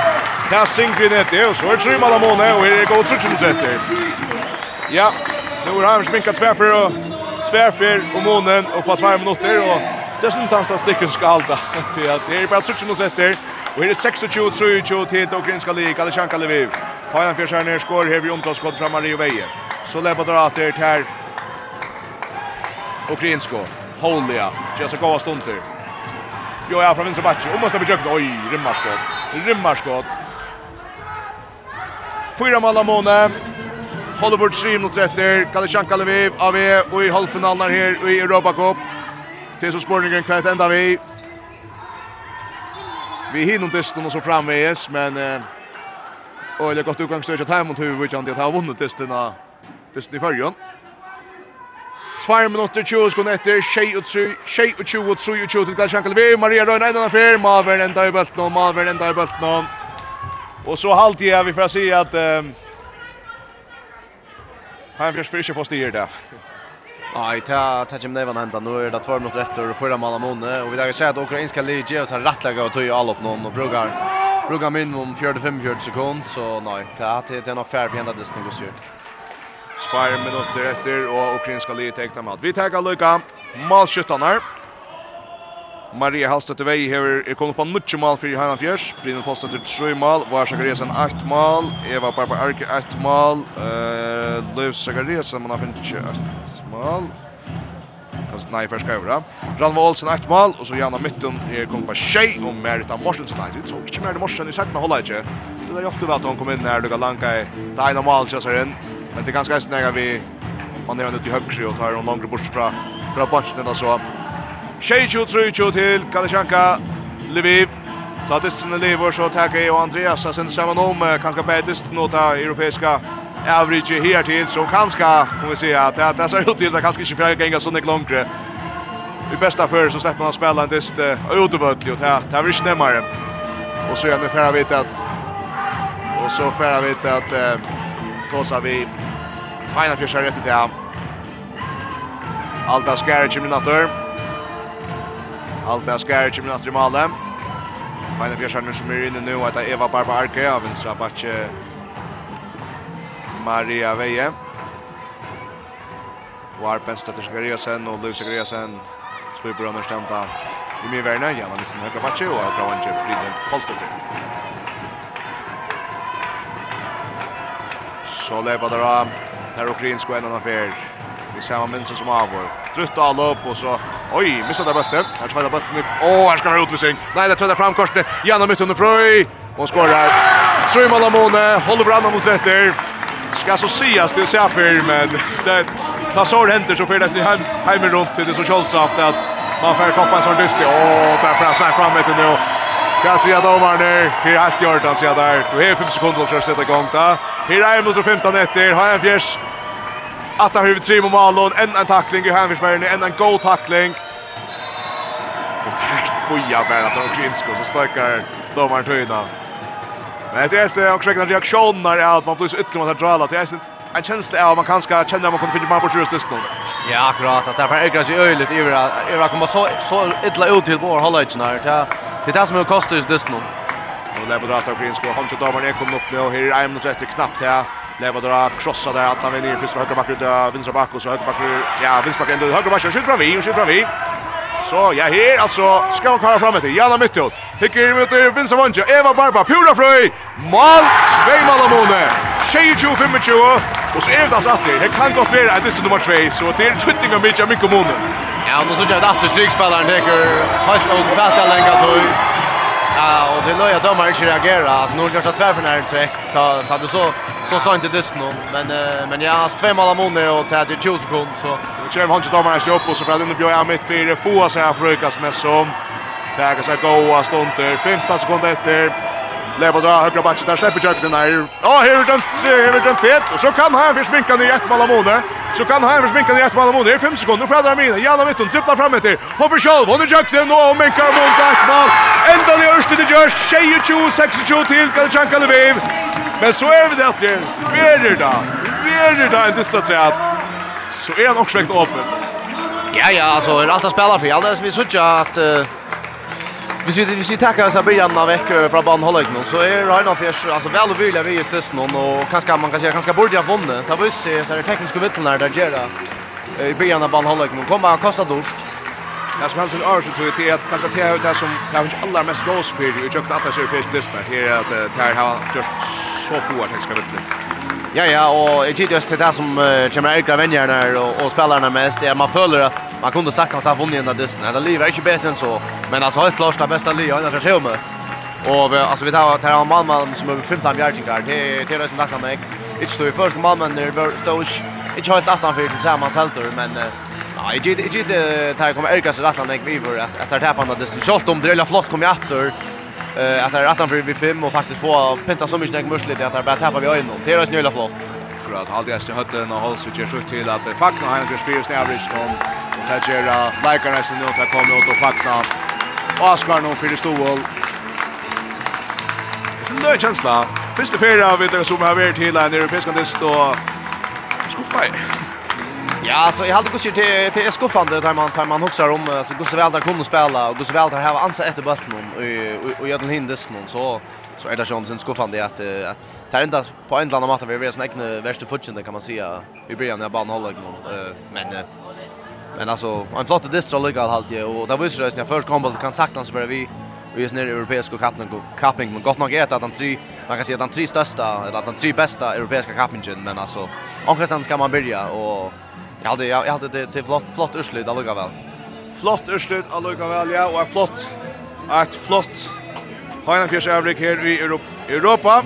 Vi vet inte om detta vera världens senaste Europa-distren. Det är suttit ukrainska liv för det skulle vara. Eh, vi den att säga så är den öppen. Vi har nog grina till Iva Sam så där kunde vi ju någon åttavälta like vad det. Mölla kan ner öppnar och så stannar det där så vi börjar. Vi vita och Men eh, jag ska så bara säga Andreas, vi är den trätt så slår på tröjan. Tack för en ett europeisk kväll här.